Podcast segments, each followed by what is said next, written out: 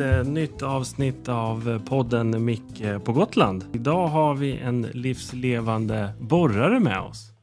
Vem är det som vi har här i studion eller i lägenheten får man säga? Jo, det är eh, Johan Plan från Gotlandsbrunnar. Vad trevligt, vad trevligt. Och kommer du ifrån Gotland? Nej, nej, jag är ursprungligen från Uppsala. Ja, men vad trevligt. Det är ju jag också. Ja, ja, härligt. Bra Men- koppling, bra stad, fin stad. Det tycker jag verkligen. Det är en fin uppväxt där. Men berätta lite mer om dig själv, lite din resa till Gotland och, och lite vem du är. Jag växte upp i Uppsala och var en fotbollsgrabb där och, och um, sen med tiden så, um, så jag har hållit på med väldigt mycket. Väldigt mycket olika jobb. Jag gick elprogrammet så jag har lite elkompetens. Varit mycket på Arlanda till exempel, gjort massvis där ute. Från allt från ramparbete till städare och så vidare. Jag, jag är ju praktiker eh, så. Gick aldrig på Uppsala universitet utan gick eh, arbetsvägen då. Till slut så eh, hamnade jag strax utanför Uppsala och höll på att renovera ett torp och var militär vid tillfället ute på gamla F16. Och i och med den eh, svängen då så träffade jag min eh, blivande fru då, Victoria. Mm. Och vi eh, fick barn. Och Victoria hade varit uppe i Åre eh, ett antal år innan så hon var ganska mm, trött på fastlandet och ville tillbaks till Gotland. Alltså hon, hon kommer ifrån Gotland? Från Jajamän, hon är härifrån Visby. Mm. Så att, ehm, och i och med vårt, ja, när vårt andra barn kom till världen då 2014, i den vevan så började då svärfar eh, Göran Herlin och ehm, började, han började prata lite om det här med brunnsborrning, att han, eh, ja, givetvis hade han hållit på med det hela sitt liv och eh, han hade ju gått i pension i ehm, eh, tillfället. Men han började liksom att lobba lite för det här med att ja, ska ni flytta tillbaks till Gotland så eh, behöver du ett jobb och sådär. Och ja, det var jag fullt medveten om. Och militär kanske ja, inte var riktigt min grej då. Sådär, jag, jag, jag kände väl att eh, jag hade gjort tre år i Uppsala som militär och ville, ville vidare. Och, och Gotlands, eh, det verkar ju trevligt liksom. Eh, och en trevlig ö, jag hade varit här vid några tillfällen innan. Sådär. Därav så, så sålde vi av huset i Uppsala, helt enkelt eh, flyttade hit, tog över då. Eller till en början har jag gått som, som, eh, som lärling hos, hos svärfar då. Mm. Ja, vi ska komma in lite mer där på företaget, men en, en spännande resa ändå. Jag är ju själv från Uppsala, så det är alltid kul att, att höra någon annan som har tagit sig från Uppsala till Gotland. Ja. Så att då eh, fanns Gotland med där i, i eh, uppväxten, eller hennes uppväxt, förlåt. Eh, spenderade ni mycket tid här innan så att du hade fått känna på hur Gotland var och så, eller? Nej, egentligen inte. I och med att eh, vi blev tillsammans då, eh, ja, runt 2012-13 där, så eh, visst, jag, jag var ju här nere i ett antal svängar då och besökt och sådär fram och tillbaka Uppsala, Gotland och så vidare. Men eh, annars så var det ju egentligen eh, när vi flyttade hit som liksom man, man hoppade in i det direkt. Eh, man, man tar ju sedan dit man kommer liksom och försöker att komma in i, i det gotländska och, och sådär. Va? Så det, men det, det, det är en resa i sig liksom att, att eh, komma till en helt ny kulturbygd, ett nytt språk kan man säga. Det, är en ny dialekt som man behöver tyda. Mm, så är det. Som det kan kan jag hålla med om. som kan vara svår på sina håll och förstå och sådär. Men det, det är någonting man kommer in i och lär sig. Sådär. Så att det, Det är ju eh, också en intressant aspekt. Vi hade det faktiskt i de eh, två förra avsnitten eh, där båda har flyttat hit men de inte har varit härifrån, alltså gästen som har varit här. Var det ditt beslut eller hennes beslut eller ett gemensamt beslut? För jag kommer tillbaka till och kommer komma många gånger i den här podden. Jag har fått det berättat för mig att det är en klassisk sak att damen flyttar från Gotland upp till fastlandet, hittar en bördig bra herre och sen så flyttar man tillbaka till ön. ja, alltså, eh, jag skulle säga att det var ett gemensamt beslut definitivt. Eh, så.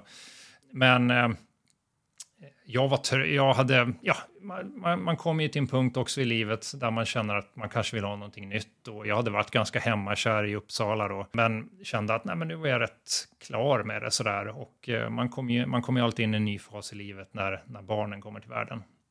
Ja, men det förstår jag. Och Utveckling, man vill att det ska hända någonting nytt också. Ja, absolut. Och, och, och, det var väl eh, som sagt, jag hade ju inte kunnat tänka mig att flytta till så många andra ställen kanske i Sverige så. Men, men Gotland kändes som att så här, äh, men det, det är jättetrevligt, tänkte man. Man, man har ju den här semesteridyllen ja. som man har romantiserad i bakgrunden. Liksom, sådär. Men som sagt, hon, hon ville tillbaks och, och komma tillbaks till Gotland och jag kände att nej, men jag var rätt klar med Uppsala. Så att, let's try something new liksom.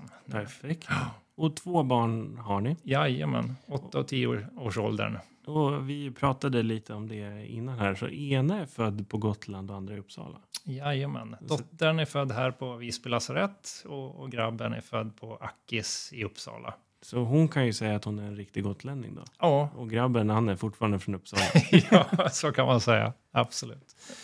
Vad eh, har du för övriga intressen? Vad gör du när du inte borrar brunnar? Ja, eh, det kan man fråga sig. Jag, jag motionerar lite grann sådär. Försöker hålla mig lite i trim så. Eh, I och med att jag har ett fysiskt arbete så, så är det bra liksom att, eh, att träna lite musklerna och stretcha lite så här så man inte blir för stel och jäklig. Liksom. Sen, sen har jag ju ett, eh, ett eh, brädsportsintresse sedan långt tillbaka i tiden. Med både skateboard och, och snowboard och surfing. Mm. Eh, så att eh, ja, jag försöker väl att komma ut här på Gotland och titta efter lite surf och sådär. Och, och, och, ibland funkar det, ibland, oftast funkar det inte. Men, eh, men någon gång när, när det tajmar, som sagt när stjärnorna ligger rätt och, och det är inte jobb kanske just den dagen, så kanske man har tur att få stå på, på en våg någonstans här ute vid kusten. Ja, men det var ju ett annat gemensamt intresse som eh, vi berörde i våran eh, lilla möte inför podden. Eh, vi har ju inte träffat på varandra så mycket ute i surfen, men det kanske blir mer. Det är en fantastiskt trevlig sport att hålla på med här, om man får kalla det sport eller passion eller vad det är. Att mm. ta sig runt ön och, och, se vad den har att eh, erbjuda. Ja. Ja, mycket, mycket vackra platser man kommer till om man är ute och letar surf faktiskt. Mm.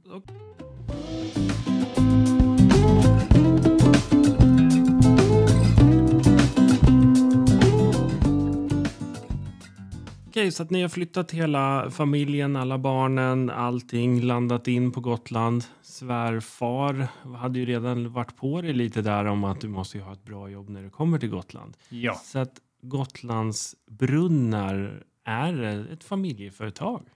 Ja, eh, Göran startade ju Gotlandsbrunnar då eh, rent fysiskt 1981. Och dessförinnan så var han ju anställd hos eh, Snäckerström och, och Jonsson tror jag de kallade sig för. Så att han har ju, han har ju drivit då Gotlandsbrunnar ända fram till 2010 då han gick i pension första gången.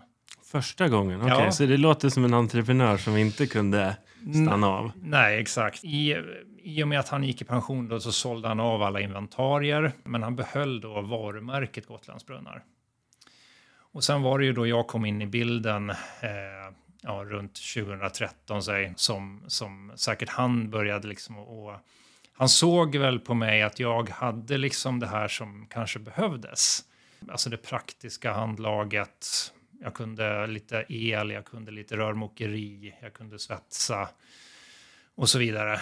Och det var i och med det som man tänkte att ja, men, Johan skulle ju faktiskt kunna bli brunnsborrare. Mm. Och, och, kanske också såg att jag var lite trött på det militära och tänkte att ja, men nu, um, nu går jag in och försöker lobba lite för det här. Och, och efter ett tag så började han ju få med mig. Och för, jag har haft, jag har varit lite egenföretagare innan, haft i en helt annan bransch då, men jag sålde smycken. Ja, det är en annan bransch får man säga. Så han såg en, en lovande eh, ja. karriär för dig inom det, att du var lagd, lagd för det, är väl hårt ja. att säga, men, men kunnig. Det var inte datateknikern utan det var praktikern. Liksom. Ja, och, och, och i och med det så, så började han väl att um, konspirera lite med eh, andra branschkollegor, tidigare branschkollegor sådär och började dra i lite trådar om, eh, om vad man kunde fixa en ny borre eller en borrig, eh, lite tillbehör som saknades då. Men i annat så hade han ju en hel del kvar i gömmorna och hemma i garaget och så vidare. Så när, när vi bestämde oss för att flytta ner hit 2015 eh, 16 där någonstans så, så uh, hade ju Göran då en, en borrig på lut och en, ny, eller en kompressor. Då. Mm, så han började samla ihop redan där och såg? Jajamän, jajamän. Så att 2016 då, då, var det liksom, eh, då var det en rigg och en kompressor på väg ner till ön. Okay. I, I och med att vi kom ner hit. Victoria hade ju ett hus nere i ett äh, mindre torp där nere i Klintehamn där vi liksom kunde börja och bo då, med familjen. Men det var väldigt trångt så att, eh, vi började givetvis leta efter ett nytt hus. Och sen rullade det egentligen bara igång. Det var ju hösten eh, 2016. Då, liksom, eh, då var det liksom bara hoppa in i företaget. Göran stod som, eh, som chef då och eh, jag som lärling. Då tog han tag i dig och kom nu Johan, Ja, nu kör vi. ja så då, bara, då körde och kastades jag in liksom i en helt ny bransch liksom och Eh, och sen var det bara att köra och dra igång med energibrunnar och vattenbrunnar och allting. Allt runt omkring borrade brunnar och även lite grävda brunnar. Hur lång tid gick du som, som lärling innan du tog över då? Jag gick i, eh, jag vill säga att jag gick i tre år ungefär under de åren så, så fick man ju se precis allt och hela Gotland. Träffa mycket eh, gamla kollegor till Göran och så vidare och, och, och verkligen lära sig eh, branschen och eh, yrket då, eh, utan och innan. Men som sagt, man, man, blir liksom aldrig full, fullärd i, som brunnsborrare utan det, liksom, det dyker upp nya grejer hela tiden tycker jag. För jag som kommer helt från utsidan Finns det en borrutbildning eller är det bara att man går som lärling och ska lära sig av de äldre? Nej, idag finns det en utbildning i eh, Skåne tror jag det finns en utbildning som är ettårig. Så att man kan, man kan då gå på det, en slags komvuxnivå på det. Så det går, det går liksom att lära sig den vägen också. Men, eh, men som lärling, alltså, det är ju oslagbart liksom. Det, du får se och, och lära dig. Och, och, du får se mycket rent historiskt. Och sen är det ju mycket av den här alltså, lokala kunskapen som är, har varit eh, guld värd att få lära sig. Liksom. Var det bra att borra? Var det inte så bra att borra? Allting från maskinkunskap och, och, och sådär som, som Göran har, eh, som han besitter och är väldigt, väldigt duktig på. Ja, men det, det är ju ett väldigt praktiskt yrke. Så att jag kan väl tänka mig, det är som jag själv när man gick liksom mäklarutbildning. Att man kan ju sitta och läsa mycket teori och samtala om det hur mycket som helst. Men det är ju faktiskt i verkligheten som man behöver lära sig de sakerna. Ja, helt klart. Helt klart. Och det måste ju vara otroligt kul för honom att få se företaget och varumärket leva vidare och växa vidare. Ja, ja, jo, men det tror jag. Det tror jag. Och, och uh, jag tror att uh, för Görans del, han har svårt att sitta still. Mm. Så, så har det varit uh, kanon för honom också. Han, uh, han är ju liksom, han tar ett raskt skutt ifrån lastbilens flak ibland för en och en halv meter ner. Studsar ner glatt och, och reser sig upp. Inga konstigheter. Så att han, hans, hans hälsa har nog bibehållits väldigt fint med, med att få lära upp mig helt enkelt. Men har han gått i pension nu då? Nu har han gått i pension sedan 2019. Okay, Då gick ja. han i pension andra gången. Ja. Nu, nu, eh, men han är ju fortfarande med och eh, som seniorkonsult kan man säga. Ja, men jag tänkte säga det måste ju vara en otrolig källa för kunskap och ha någon att bolla med. För du är ensam i företaget kan man säga och när du är ute på plats och, och borrar och så. Ja, eh, idag är jag, är jag ensam. När det är så att jag behöver lite extra hjälp, om jag inte i så fall hyr in någon annan så, så kommer Göran in och hjälper mig ibland. Då.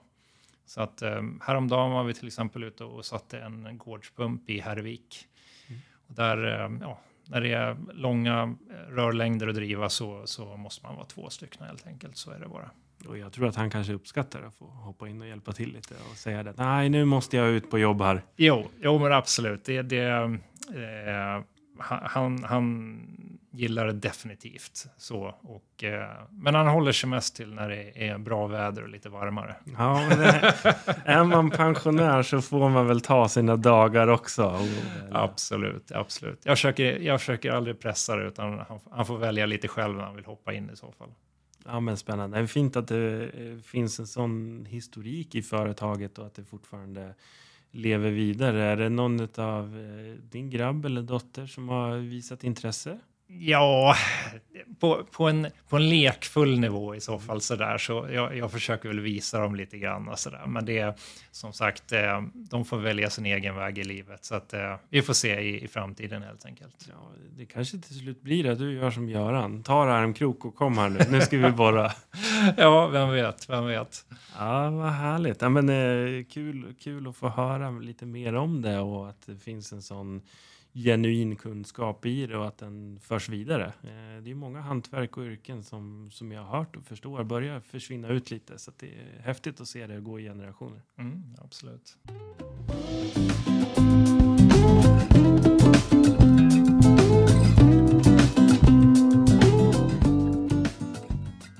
Okej, men då kommer vi till eh, hjärtat av det hela. Mm. Att borra brunnar. Just det. Just det. Jag tänkte att vi ska gå igenom, eller du ska ju få berätta hur det går till lite steg för steg och vad man kan tänka på och allt möjligt så att vi försöker lära oss lite. Eller jag ska ju lära mig och sen som någon lyssnar eh, och kanske lär sig någonting så är det trevligt också. Mm, absolut. Vi, eh, vi startar där. Ja, jag eh, har ett fritidshus och jag behöver en brunn med vatten. Ja. Vad händer? Till att börja med så, så börjar man ju ofta att titta på alltså, området i sig. Var ligger det någonstans? Är det kustnära?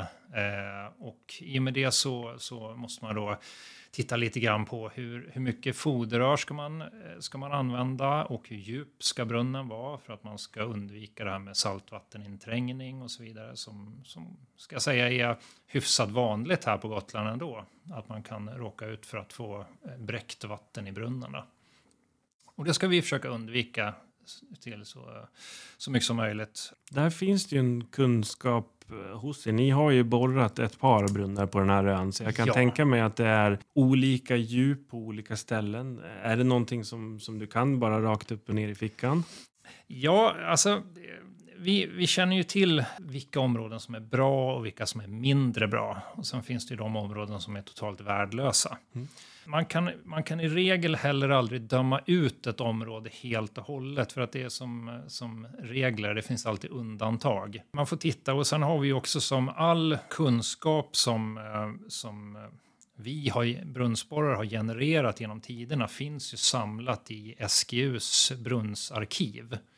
Och det är ju ett öppet register så där kan egentligen vem som helst gå in och kika eh, på alla de brunnar som finns registrerade. Och där står det ju då, det står djup, det står eh, jorddjup, hur mycket man har fodrat, hur mycket brunnen ger, alltså liter per timme. Och så lite, det kan finnas lite såna anmärkningar om det är saltvatten i brunnen till exempel och så vidare och så vidare. Så då kan du liksom förbereda dig och, och se att okej, okay, men om, om det här är ett område, då går du in och tittar lite på de brunnarna som finns registrerade och Just försöker ja. hitta något djup. Så du preppar dig också hur, hur djupt du ska borra. Ja, vi går in och kikar lite där. Eh, och finns det då brunnar i närheten så kan man ju ta någon slags medeldjup eller gå efter den som är grundast. Sen är det där med saker och ting förändrar sig också över tid. Eh, och i och med att vi blir fler och fler människor här på Gotland och fler brunnar borras och vattenuttaget blir större. Så, så är det ju så. Och sen har vi det här med låga grundvattennivåer. Så är det ju så här att den, kunskapen förändras ju också eh, lite grann. Så att det har ju hänt saker och ting med, man kan inte säga liksom generellt att bara för att en brunn från 1966 är 15 meter djup så kanske inte det är riktigt samma eh, djup som gäller idag. Mm. Så där får man, man får ta det här med brunnsarkivet med lite kanske med en nypa salt. Om man nu bara har väldigt gamla brunnar eh, att gå efter. Men förutom, förutom då det här med djup och jorddjup och så vidare så går vi också in och kollar var finns, vad finns det för förorenare i närheten? Alltså infiltrationsbäddar, åkermark eh, och jordbruk. Om det finns stora gödselstackar i närheten och så vidare som sk skulle då potentiellt kunna då förorena en vattenbrunn. då är det, det det som egentligen vi gör. För att när vi kommer ut, när en kund ringer och vill ha en vattenbrunn så kommer vi ut på plats oftast och tittar då, liksom, hur ser det ut i omgivningarna. Då åker ni och identifierar. För min nästa fråga var vad är nära? Alltså en gödselstack i närheten och, och lite så. Ja, man brukar ha ett sånt här avstånd på ett skyddsavstånd på ungefär 50 meter, eller det brukar vara minimum till då gödselstackar, infiltrationsbäddar och åkermark. Och sen är det ju så att sen måste man också titta på var brunnen eh, där man ska gräva in till huset. Var är brunnen belägen eller var ska man lägga brunnen för att det också ska bli så praktiskt smart som möjligt så att man inte behöver gräva jättelånga omvägar. Sen finns det då sen finns det ett krux till och det är eh, regionen som sedan 2022 då har de lagt in ett nytt, eh, en anmälningsplikt på all borrning över hela Gotland. Okay. Där måste vi också då skicka in eh, papper. Så i samråd med kunden ute på plats så tittar vi lite på okay, vad ska vi borra? Vad är lämpligt? Sätter vi ut en, en eh, där brunnen ska vara och sen får vi skicka in en situationsplan då innan en slags ansökan då till Region Gotland där då regionen får titta på om det är lämpligt det här. De kanske har annan information som inte vi känner till. Så att de kommer att säga bu eller bä åt den placering som vi har föreslagit. Okej, så att det är en ansökningsprocess också i det hela. Jajamän. Och vad, hur lång tid brukar den ta att få svaret? Ungefär. Den kan ta upp till sex veckor. Så att eh, där, där har det blivit lite fördröjningar i, i arbetet och vi kan inte åka ut och borra en brunn på dagen som vi kunde göra förut. Så att där, där har det blivit en liten fördröjning i det hela. Okej, så då eh, när jag ringer för första början så kommer ni först ut och scoutar platsen får man säga, identifierar de här eventuella förorenarna och väljer ut en plats och sen därefter ansöker om, om att få borra. Just det, just det. En vanlig fråga som vi får det är ju det, är det här, kollar ni liksom, eh, hur vet ni att det finns vatten där, där ni tänker borra och sådär? Och fråga om vi har någon, någon väldigt eh, avancerad utrustning för att kolla det, eller, eller om vi faktiskt går med sån här slagruta. Jag var ju en slagruta. Jo, det här är en, en, en klassisk slagruta. De finns i, i många olika utföranden, men den här varianten är ganska vanlig skulle jag säga. Det är alltså en, en vanlig eh, ståltråd som är böjd i 90 grader som ett handtag i ena änden som man håller i så här. För er eh, som tittar på Youtube så ser ni ju här när han håller upp och visar. Annars så får ni gå in och, och titta. Det är egentligen två eh, metallstänger som är Ja. böjda. Jajamän. Den här, jag har, det är många som tror att det här är hokus pokus men, och gammal skrock. Men det fungerar faktiskt. Eh, de här reagerar på magnetism. Sen ska jag säga så här, jag har inte den känslan att jag kan känna vatten på 30 meters djup eller vad det är för kvalitet på det vattnet. Eh, men det finns tydligen andra som kan det. Jag kan, jag, kan i, jag kan känna av en vattenledning på en meters djup nere i jorden och eh, elledningar kan jag hitta med den här slagrutan. Men annars så är det så att vi går efter att berget håller vatten. Det var, var faktiskt min nästa fråga som, som jag undrar och många undrar. Finns vattnet bara där nere? Ja, vi borrar ju, Gotland består ju i stort sett eh, nästan till 100 procent av kalksten och på vissa ställen sandsten. Och, och det, är, alltså, det är en ganska porös eh, berggrund kan man säga. Då. Och, eh, och, och har en hel del sprickbildning i sig. Och där nere, där silas ju då vattnet som kommer ifrån regn och så vidare, nederbörden, ner genom jorden och ner och sen sakta ner då i berggrunden och lägger sig ner vid grundvattennivå. När vi borrar så eh, kommer vi att passera x antal sprickzoner ner genom, eh, ner genom berget när vi borrar. Och är det då så att vi inte skulle träffa på vatten eller att vi får löst vatten eller fukt vid under borrning då. Eh, då är det så att då kan man då ta till, oftast gör vi så att vi låter, eh, eh, vi låter brunnen stå och vila ett par dagar efteråt och se om det kommer att rinna in någonting. Då kan man då ta prov på det vattnet och se om det är bräckt eller inte. Men är det så att det inte kommer någonting alls eller väldigt, väldigt lite, då kan vi alltid ta till den här eh, metoden som kallas för tryckning, alltså hydraulisk tryckning. Och den fungerar så att eh, vi sätter ner en, en manschett på ett visst djup eh, ner i brunnen, ner i berget. Spänner man ut den manschetten så att den sitter fast. Och sen har vi då rör som går ända uppifrån ytan ner genom manschetten. Sen kommer vi då koppla till en slang från en tryckbil. Då. Där brukar vi hyra in Ragn-Sells. Sen kör vi ner då ett vattentryck på 150 bar rakt igenom den här manschetten. Så allting under den här tryckmanschetten kommer att utsättas för ett väldigt högt vattentryck. Och, eh, det, 100, 150 bar är ju mycket. Ja, det, det, är ett väldigt, väldigt högt tryck. Ett hårt bildäck är ju 3 bar. Ja, ungefär. Då studsar man ju fram. Ja. ja så 150, ja jäklar alltså vilka att, krafter. Så att det trycket kan till och med då vidga sprickor i berget. Så pass högt är det. Och vitsen med det här då, det är att trycket kommer att gå minsta möjliga motståndets lag ut i någon spricka där nere. Förhoppningsvis har vi satt manschetten på ett ställe där vi under borrningen såg att okay, här finns det en sprickzon. Ja, men då sätter vi manschetten strax ovanför så kanske vi får till att den kommer att gå ut i den sprickzonen. Och då sticker vattnet ut och det kan transportera sig flera hundra meter bort.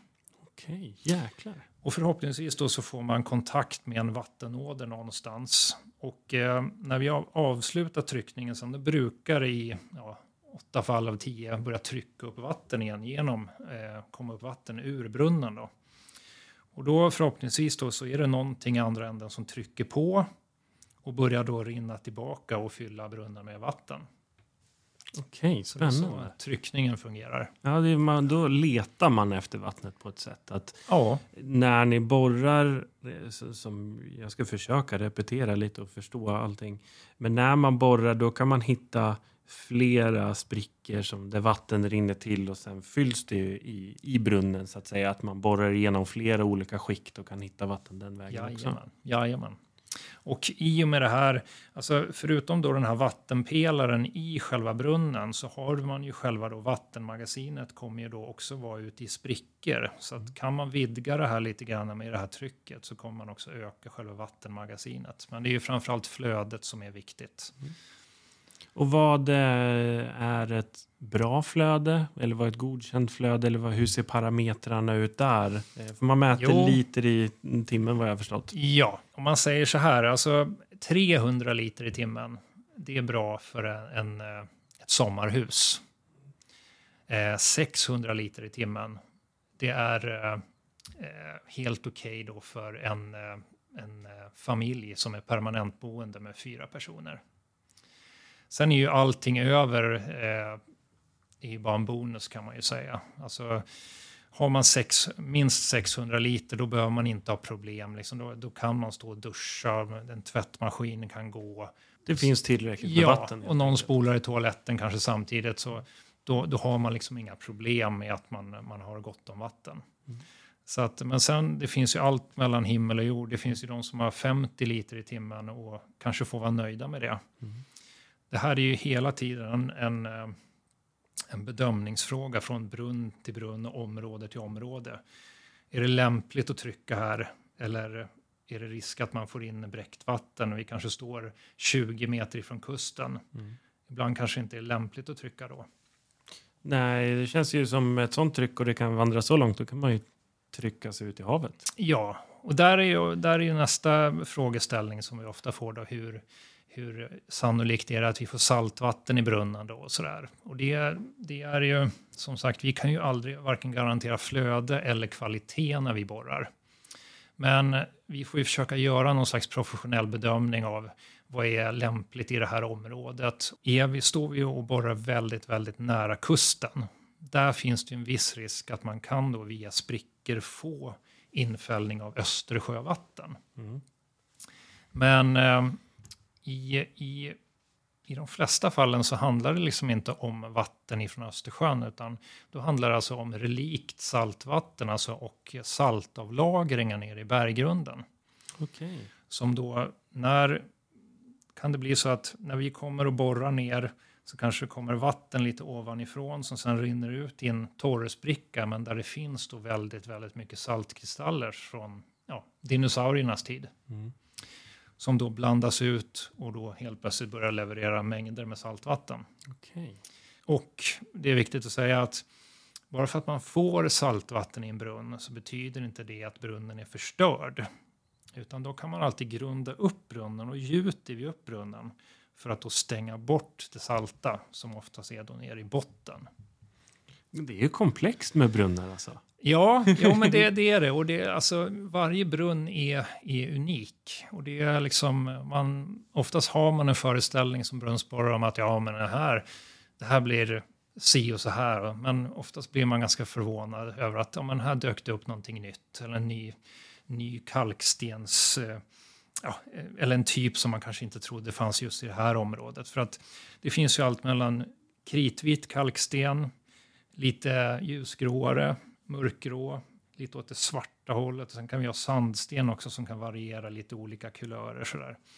Så att eh, det finns liksom, eh, alltså berggrunden är eh, här på Gotland är liksom, ja den är väldigt varierande, även fast det mestadels är kalksten. Men, men det, är- det är hela tiden någonting nytt tycker jag, som man får ta ställning till ute på plats. Ja, och det finns ju säkert lite kunskap och okännedom eh, sen tidigare också, de olika platserna vart man ska borra och inte. Och ja, här brukar det bli så eller, eller si liksom. Ja, eh, absolut. Det finns, ju, det finns ju ett par ställen som är, är ja, men väldigt bra om man säger. Dels där jag, där jag bor, ute i Vänge, där, där är det ganska bra att borra. Man kan eh, råka ut för lite gas, svavelväte. Då. Lummelunda är ett sånt där ställe som är väldigt bra att borra i generellt. Och eh, har man lite otur så, så kan man ju råka ner i ett sånt här grottutrymme. Då. Men oftast brukar det bara ge att eh, man får ett väldigt bra vattenmagasin i, i, i, Ja, i den brunnen. Ja, spännande. Vad, eh, vad är en djup brunn och en grundbrunn i meter? Ja, en grundbrunn, eh, det är till exempel på Fårö kan man inte gå speciellt djup på vissa ställen. Där kan det vara en, en brunn som är någonstans mellan 7 och 10 meter. Mm. Eh, sen har vi ju till exempel Kräklingbo. Där är det ju Östergarnslandet. Där är det ju väldigt eh, djupa brunnar. Så där kan det ju vara allting alltså, någonstans mellan 60 och 80 meter. Det är jäkla skillnad. Ja, sen är det ju på, på Gotland be, behöver vi sällan fodra. Eh, de här foderrören som då går från uppifrån jordytan och ner och sen då ska ner en bit i berget för att fodra bort allt ytvatten. Vi behöver ju sällan fodra speciellt långt här på Gotland. Alltså det ligger någonstans mellan 6 och 30 meter max. Medan på fastlandet så finns det ställen man kanske måste fodra 80 meter. Uppsala är ju ett sånt här ställe med väldigt mäktigt lerdjup. Och- på, de, på vissa ställen i, Uppland måste man ju fodra som 17 liksom för att komma ner. Så att här på Gotland har vi en bra situation så, men där har vi också skillnader mellan kalksten och graniten. Där kalkstenen, när man borrar i den så tenderar den, om man får lite fukt i den så kladdar det ihop, det degar ihop liksom och man måste stanna, annars kan man sätta sig fast. Medan graniten är det, där är det mer bara att, att, att köra på och dunka på. Men där finns det andra nackdelar som blästerskador från kaxet och så vidare. Jag, jag tror att du hade någon anekdot där med någon som har varit och borrat och kört fast helt enkelt. Och inte Jo. haft den lokala kunskapen. Ja, ja men där, eh, det har varit några lycksökare nere på ön genom tiderna eh, som Göran har berättat om. Och där, de, de har liksom kört på som i graniten då, men eh, inte riktigt förstått att eh, man, man måste skölja ur och blåsa ur hålet och hålla det rent.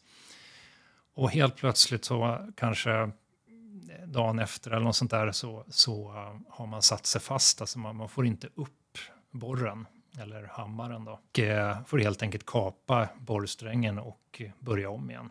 Det måste ju vara lite snöpligt. Stått och borrat allt möjligt och så ska man fortsätta dagen efter och sen bara... Ja. Nej, det är bara att ge upp. Framförallt dyrt. Ja, och, knacka på hos dem. Hörrni, eh, det här gick inget bra. Vi måste sätta ett nytt hål. Ja, så att eh, ja, nej, det, det är liksom eh, peppar peppar, det, det är inte roligt att, att, att få börja om. Det, det, händer ju, det händer även oss i, i, i vissa fall då, och det är till exempel i de fallen där, där helt enkelt eh, utrustningen fallerar, saker och ting går sönder. Till exempel eh, har jag varit med om när eh, när en sån här borrkrona, när den går av och lägger sig ner eh, när man är i, ett, i en energibrunn, då, när man ska borra lite djupare för bergvärme, så brister en sån här krona och lägger sig på botten. Och då är det, eh, ja, då, då är det bara att plocka upp och då kan man inte for, det, går inte, det går inte att borra sen igenom en sån här metallklump, utan då får man i så fall dela upp det, det energihålet då på två brunnar istället. Det är väl jättebra att ta det också. Vad är skillnaden mellan en vattenbrunn eh, eller det hålet och en energibrunn som du pratar om till bergvärme och liknande? Ja, framförallt så är det djupet. Man kan ju säga att en energibrunn är som en djup vattenbrunn. För, och sen är det oftast dimensioneringen. Vi, vi borrar, våra vattenbrunnar håller 5 tum i mått. Eh, eller 168 millimeter, alltså i foderrörsstorleken. Medan då energibrunnen eh, håller då, alltså fyrtummen håller alltså 139 millimeter alltså i foderrörsstorleken. Är det tum för att det är amerikanska grejer från första början eller? Ja, alltså det, det, det är de här tummåtten, det är som uh, tumstocken uh, som man köper fortfarande där det är tum. Det, det är sånt där som har följt med sedan äldre tider. Så att, och, och det, I och med att uh, jag har ju lyssnat mycket på Göran och så vidare så, äh, så får man ju lära sig det där tum, en del jag grejer. Jag liksom. förstår, det är all, alla olika branscher och kategorier har ju sina egenheter. Liksom. Ja, ja. Nej, men sen är det en, en annan sån vanlig fråga som, som jag får är hur, eh, hur får man ner det här foderröret? För vi driver ju, vi driver ju ner då ett foderrör som går då uppifrån, uppifrån jordytan och sen ska vi ju ner minst två meter i bra berg har vi ju enligt normbrunn 16, det är vår bibel som vi, som vi går efter. Eh, och hur får vi då ner eh, foderröret genom jordlagen och sen även ner i berget? Och vi använder oss av, vi använder oss av en sänkkammare då som är själva borren då kan man säga.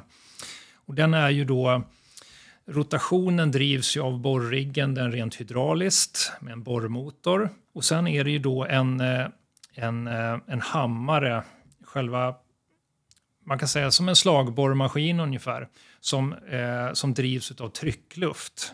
Så att längst nere så sitter det då en hammare och slår det väldigt snabbt. Då. Det är det man hör oftast när man, om man är i närheten av en borrigga. Mm. Och då är det och, den som slår längst nere? Ja, exakt. Det är det man hör. Och när vi driver ner först foderröret då, då kör vi då med en så kallad odexhammare. Den ser ut, kronan ser ut med såna här hårda stift då, som krossar kalkstenen framför sig. Den är, den är tung, hela bordet skakar ju här när ja, jo, den där den väger här, lite. Ja, exakt. Ja, men det här det är rätt tunga grejer liksom. Och när den här, den här är ju då kronan längst ner och sen har vi då den här odexhylsan då som man då kan, som man fäller ut.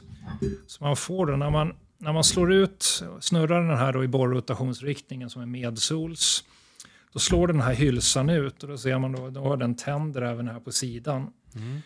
Och den här kommer då att hamna strax utanför då själva foderröret här. Och längst ner på foderröret så har vi då en borrsko. Och den svetsas alltså på foderröret först. Okay. Eh, så då har man de här två delarna här. Jag kommer att så ser fodrarör med borrsko ut och sen är den då ihopsvetsad här längst ner. Mm. Så de sitter ihop. Sen har man då hammaren står ju i röret. Och då kommer det alltså se ut ungefär så här. Då står då borrskon står, kommer att stå när hammaren går nere i botten och den här odexhylsan är utslagen så kommer då det här att rotera precis under borrskon här. Och då har man då tänderna kommer att gå eh, och krossa berget precis utanför, en liten bit utanför, så att den blir strax lit, någon millimeter större än borrskon här. Mm. Och sen då, hur gör man då sen då när, när man är nere, när man har kommit ner på djup och fått ner foderrören. Då roterar man då hammaren då mot sols. Och då, slås den här, då slås den här hylsan in så här. Okej, då fäller den in sig. fäller den in sig. Och då, då får man då igenom Och då kan man dra upp borren igenom. Exakt. Då drar vi upp, då faller den här igenom. Om man går in lite till sådär, så. Okej. Och då kan man då få upp, då plockar vi upp sen och byter hammare då till en annan hammare som då inte har den här Odex-hylsan. Så då, egentligen, det är ju jättemycket och spännande information här. Borrar man först ett hål Ja, och sen så byter du till den där eh, hammaren med Odex-hylsan som den kallades. Mm. Vi ska försöka förklara det lite. Den, den eh, snurrar runt och expanderar och blir lite större. Så att då när du har eh, foderröret då karvar du ut och gör det hålet lite större helt enkelt. just det. Just det. För du har borrat det först, karvar ut och gör det lite större Ja, och eh, roterar den åt andra hållet och fäller den in sig så då kan du dra upp hela borren och borrhammaren genom det röret. just det. Så plockar vi upp allting igen, byter hammare och då, då byter vi en som har en lite mindre bottendiameter. Mm. Och den är då, det är då 140 i, i bottendiameter, det som det bergborrade hålet kommer Mm. att vara i. Och sen är det ju då, sen är det ju viktigt att den här foderröret sluter tätt emot berget. Mm. Så då har vi också, eh, när vi väl har plockat upp det här så för vi ner en slang till botten och skickar ner då snabbcement. Okej. När vi väl har fått ner, hällt ner cementen och förhoppningsvis då har cementen då, eh, runnit ut under borrskon och in i eventuella då sprickor och fyllt upp sprickor och sånt där. Då, då slår vi ner dunkar uppe på foderrörstoppen för att då få ner de, de eventuella millimeter som behövs och ner i cementen. Och sen får det stå en kvart och stelna. Eh, så att vi får den här tätheten så att vi inte får in eventuellt då ytvatten som då i så fall kan rinna då efter röret och försöka ta sig in. Och när vi väl eh, har väntat den här kvarten tills det har stelnat, då tar vi ner den här nya lite mindre hammaren och börjar då påbörja då underborrningen då under foderröret i berg. Okej. Det dammar ju väldigt mycket när man väl gör den här underborrningen. För kalksten, kalksten blir blir ju som, ja, man kastar iväg en hand cement så blir det ju bara ett stort vitt moln. Och det är precis samma sak med, med krossad kalksten. Liksom. Det dammar som 17. Vi, har en, vi kör ju med dammsugare på maskinen så vi kan alltid reducera det här dammet en hel del.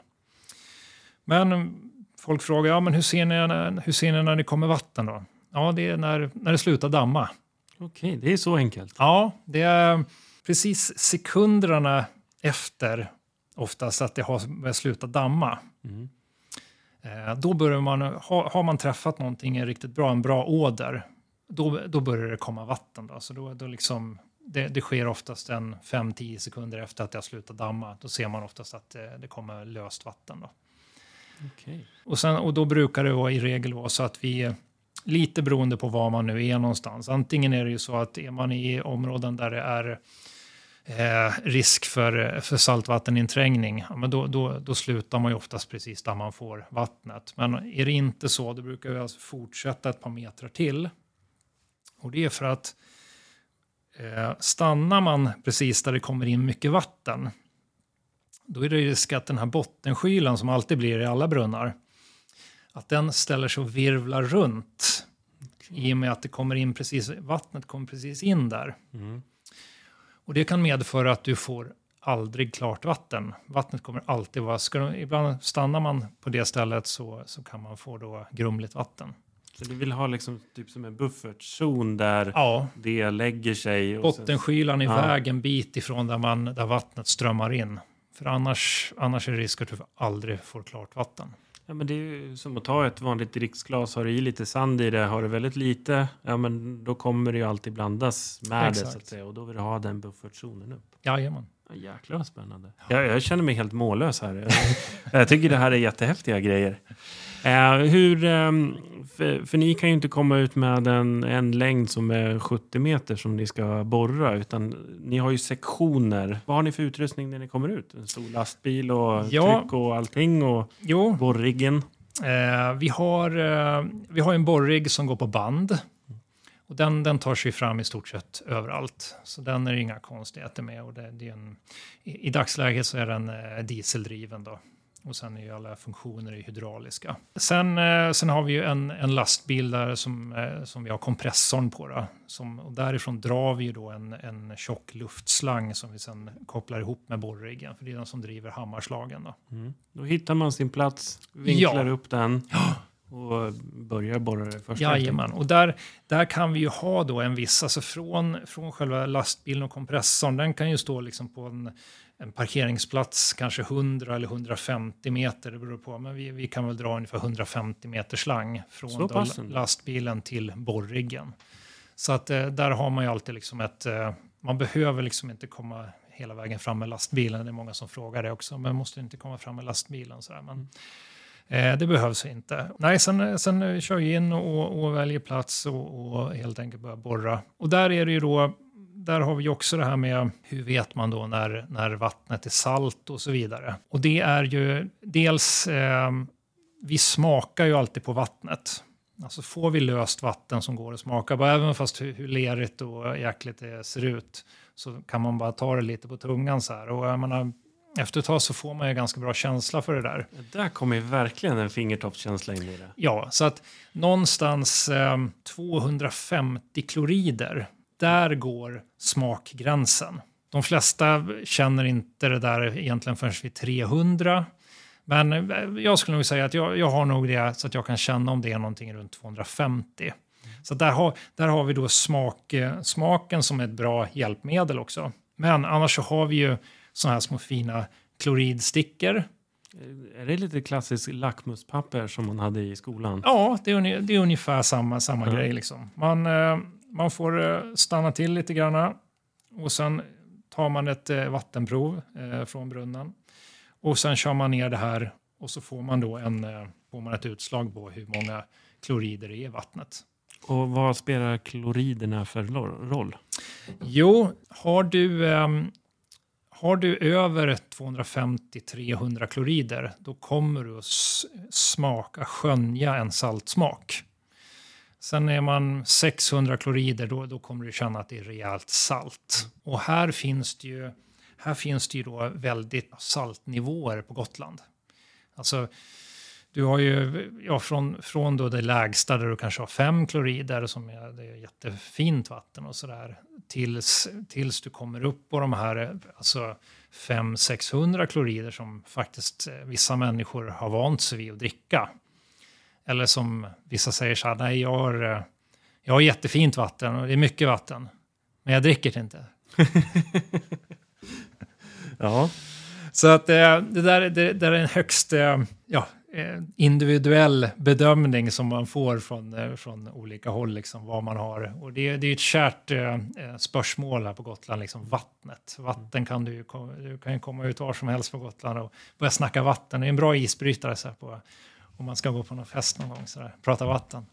Det nya, man får sluta prata om vädret och börja prata om vattnet istället. Ja, exakt. exakt. För du borrar ju en bit och sen måste man byta ut. Ja, eller och det, det, det är borrören. Och, de, de, har ju, de, och även foderrören är ju tre meters längder. Mm. Så att foderrören de svetsar vi ihop allt eftersom vi driver ner dem. Men eh, borrören, borrsträngen då, den gängas ju ihop. Så den går ju liksom rätt fort. Det har man ju sett något så här klassiskt amerikanskt program när de är ute på någon riktig oljerigg när de kastar de här kedjorna runt och Just det ska gå så fort som möjligt. Just och, det. och det är lite kaos liksom. Men... Ja, och, och allt, allt är lite större och, lite, li, lite häftigare där kan man säga. Ja. Men, eh, nej, men visst, vi, vi, vi står väl också och vränger med lite kedjor och sånt där ibland. Va? Det är bara att de, de är inte lika stora. Ja, men precis. Då borrar man ner benbiten och måste byta och sen fortsätter med det. Och samma Ja. sak när du tar upp det. Du måste du ta varje del helt enkelt. Jajamän. Tryckluften driver ju då hammarslagen. Så har det en annan effekt också att i, i botten på kronan så kommer ju då tryckluften att, eh, att gå ut. Och då genom de här två hålen som ni ser här på undersidan. Ja, visa en liten krona med två, två hål. Perfekt. Och den är ju lite, får man uttrycka sig så plumpt och säga, knottrig. Ja, och det, det är liksom de hårda liksom borrstiften. Och det är de som krossar kalkstenen framför sig samtidigt som, som den vrider runt. Då. För man såg på, på den övre ringen där att den, vissa av dem var lite nerslitna. Så det är de man byter ut också. Då. Ja, det ska ju sägas också att eh, vi, vi är ju förskonade från fastlandet i graniten. Där måste de alltså ställa sig och, och slipa kronorna lite av och till. Okej, de slits så mycket vid varje borrning. Ja, vi behöver inte göra det överhuvudtaget här. Och eh, vi har inga problem med blästerskador direkt på borrrören heller.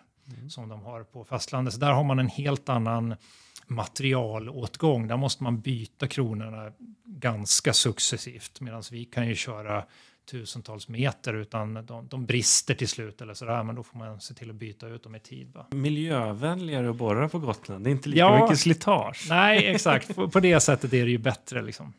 Men sen har vi det här med, med eh, tryckluften driver ju också upp eh, borrkaxet tillbaks upp till ytan. Och där är det också det här med kalkstenen, att den degar ihop och sådär. Och där måste vi liksom av och till under borrningen så måste man liksom göra lite uppehåll och blåsa ur hålet så att man får ur allt skräp. Annars, kan man ju, annars får man den här effekten av att man sätter sig fast till slut. Mm. Och där vill man ju inte hamna. Nej. Sen åter till det här med energibrunnar. Där har vi ju, eh, i och med att man borrar så pass djupt, man, man, vi ligger ju oftast någonstans mellan 150 och 200 meter plus. Där är det ju viktigt, för där kommer vi alltid i kontakt till slut med saltvatten. Där är det också viktigt att eh, vi brunnsborrare att vi smakar av vattnet och ser ja, men var blev det salt någonstans. Alltså vilken, på vilket djup hade vi saltvatten. Då måste man smaka under vägens gång. Ja, Mm. och i och med det så kommer vi då att när vi väl har borrat klart eh, energibrunnen och sen, sen, är det sen ska den här kollektorslangarna ska ju ner också. Och när vi väl sätter dem då avgör vi en nivå som är då strax ovanför eh, där vi fick saltvatten. Och där kommer vi då sätta en så kallad krontätning som man sätter på de här två kollektorslangarna. Så de, den här krontätningen kommer då att följa, följa med ner Mm. till, till det här djupet. Och sen är det så att vi fyller uppe på den här pluggen då med betong. Alltså det, vi gjuter upp på den ungefär 10 meter och det är också såna här eh, bestämmelser enligt normbrunn 16. Mm. Där får man då den här tätningen så att saltvatten underifrån då inte ska kunna tränga upp och till exempel gå ut i sprickor och förorena Ah. andra vattenbrunnar. Okej, så att inte det letar sig vidare helt enkelt. Just det, just det. Smart. Ja, för annars kan det ju bli så att ni borrar en energibrunn, det letar sig vidare och sen så är det några runt omkring som bara oj, nu har vi plötsligt fått jättesalt vatten. Ja, och det, det händer ju, peppar peppar, inte speciellt ofta, men det har hänt tillbaks i tiden då att eh, man har lyckats då få saltvatteninträngning i, i, i eh, intilliggande brunnar. Men det går också att justera. Så det betyder inte att allting runt omkring blir förstört, utan det går att åtgärda det i efterhand. Det tar lite tid och de som har blivit drabbade, ja, de kommer att få ha eh, lite tålamod. Men det går att åtgärda och så att det blir bra igen. Mm. Det är viktigt att säga. Ja, för det, ja, det är jättebra att du poängterar det. Eh, Vi kommer ju också in lite på eh, ni renoverar och fixar andra brunnar. Precis som du sa, att jag menar, har du borrat och haft bra flöde på 60-talet på 15 meter, men det kan ju förändras också. Just det, just det. Och det går, alltså i, eh, i alla fall hälften av fallen så går det ju att renovera gamla brunnar. Alltså är foderröret hyfsat intakt och inte totalt sönderrostat. Och, och sen, eh, sen finns det här också, många av de gamla brunnarna, där, där, där hade man då, där la man det ner i en brunnsring. Det, det är en sån klassisk eh, gotländsk, eh, ja, det finns på fastlandet också, men variant på brunn. Och det var ju för, för att få ner de här slangarna till frostfritt. Mm. Så då har man, då har man oftast en, eh, många ställen är det så att nere på, de, ner ungefär en meter under mark i den här brunnsringen så är det då ett foderrör som ligger mer eller mindre i linje med, ibland är det gjuten botten. Och det är bra för det är lätt att hålla rent, men inte, inte allt för sällan så är det då bara jord där nere. Och vad händer då, då med en öppen, ett öppet foderrör och så kommer ju då vattenslangen ner i 90 vinkel och ner i brunnen. Ja, dels kan det ju då ramla ner en massa jord och smuts. Det kan bli översvämning på vår och höst så att det rinner in och så rinner det över foderrörskanten. Och då har du ju ytvatten rakt ner i borrade brunnen. Och vad är det mer då som kan ramla ner i sådana här saker? Jo, möss och råttor. Där får jag lite samtal om alltså när folk säger att ja, men det, det, är konstig, det är konstig färg och, och, och det luktar väldigt unket om vattnet. Sådär. Mm. Och sen har vi, vi tog loss en sil på, på kökskranen och då var det som att det var något som alger eller något gräs. Nej, sa jag. Mm. Det är, Ja. det är råttpäls. Där ja, Mm. dit kan de hitta också. Ja. Och då stod det en tonårsdotter bredvid och sa och det där har jag duschat i. Ja, nej, men det jag förstår att man kan vara med om mycket. Så då är det alltså att foderröret står helt oskyddat och, och precis som du sa vatten och sen så är det någon som har ramlat ner där. Ja, och då, då, är det ju, då har det ju kommit lite modernare eh, teknik. Då, alltså, då, då finns det en sån här adapterkoppling då, så att man kan då förlänga de här foderrören. Man, man gjuter fast eller svetsar om det nu går ett nytt foderrör och sen drar man in en sån här vattentät adapterkoppling i den. Och, då blir och sen kan man då i så fall sätta ett lock, tätslutande lock som är avluftat uppe på. Och då får man, det kan inte komma in någon möss, inga myror, ingen jord. Och blir det översvämning så dimensionerar man det där så att det kan inte rinna över. Så då får man det här bra täta. Så att många, många av de här gamla brunnarna är, det är superbra att göra den rokaden med dem. Alltså, för att eh, då slipper du allt det där. Sen, sen kan det ju vara så att det läcker in ytvatten längre ner, att foderröret längst ner inte är tätt eller att det då kanske är upprostat längre ner. Är det då så att det är en modernare dimension, alltså fyrtummen, då går de oftast att plaströrsfodra inuti. Man kör alltså ner ett plaströr eh, med såna här svällkroppar som då sväller ut och tätar av. Och då kan man då förlänga foderröret ja, egentligen så långt man vill eller så långt det går ner i berget för att täta av. Ett, eh, en otät, eh, om det har blivit otätt mellan berg och borrskog till exempel så kan man då täta av eller då foderröret som, som har sprungit läck av någon anledning. Kan det behövas att man borrar djupare också? I vissa fall så gör vi fördjupningar. Och då, men då är det också viktigt att ni får inte ligga gamla eh, skiftnycklar och skruvmejslar och sånt där som folk har tappat ner i brunnarna. För gör det det, då, då, då kör vi sönder kronorna. Och, och, så att vi, I de fallen när vi i så fall överväger det så brukar vi köra ner en magnet först. Alternativt blåsa ren brunnen för att få upp sån där gamla skit. Ja, och sen kanske det är enklare att borra en ny brunn. Ja, alltså det kostar lite grann att renovera. Och jag, jag skulle säga så här, ibland kan det bli så att den kostnaden kommer upp till hälften av vad en nyborrning kostar. Eh, kostar då. Och, ehm, och då kanske man ska överväga istället att borra en ny fräsch brunn. För att det är ju så att vi försöker ju renovera så gott det går. Men i alla fall så blir kanske den renoveringen inte riktigt bra. Och då står man ju där igen då med kanske ett problem. Och då i, i de fallen så brukar vi ja, rekommendera is- istället att borra, borra nytt. Mm. Istället för att lägga massvis med pengar på att renovera.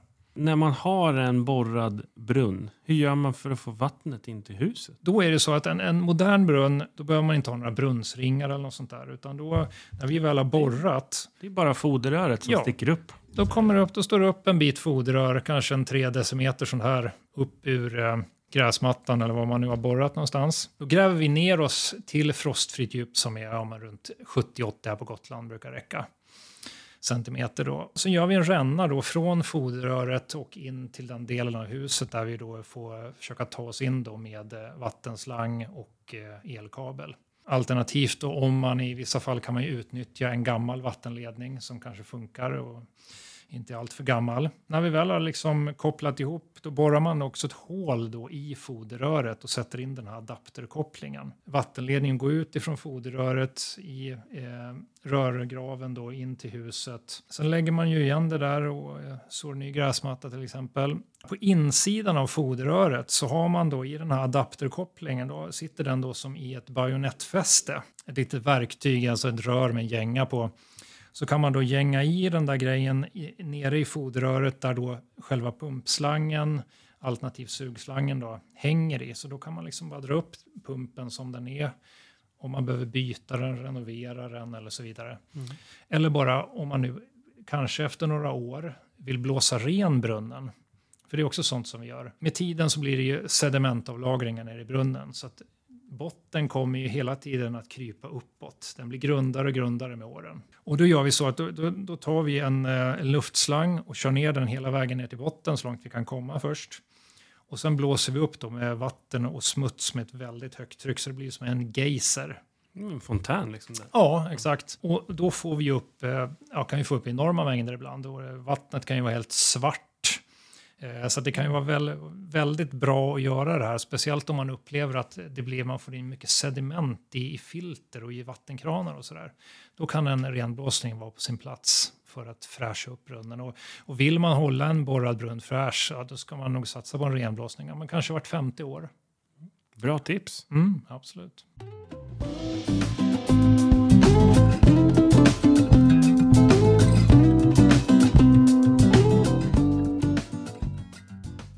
Det har varit superintressant att ha med dig i podden. Vi har ju såklart eh, några sista frågor som vi ska köra som jag kör med alla gästerna. Eh, så vi hoppar in eh, ganska rakt och rast på det. Norra eller södra Gotland, vad är favoriten där? Ja, jag får, nog, jag får nog säga norra Gotland faktiskt. Vad är det som drar dig till norra delen då? Ja, men det, det är nog allt ifrån eh, stränderna, till eh, kanske, kanske är det lite eh, service. Det kanske bara är att jag har fastnat för några enskilda kaféer eller restauranger eller något sånt där som, som, som man har fastnat för. Liksom. Eh. Sen, sen är det väl så också, man har varit där i, i uh, rätt mycket när det gäller surf. Sådär. Mm. Så att man, man, man har på något sätt fått den landsändan uh, till sig. Sen ska det ju inte heller uh, underskattas att säga så att Göran har varit eh, eh, mer verksam, Herlin, Göran Herlind och svärfar har varit mer verksam på norra Gotland egentligen än, eh, än södra. Då. Ja, det, det, kan ju bara finnas en dragning och en känsla också. Man behöver ja. ju inte sätta ord på allt. Nej. Favoritstrand på Gotland?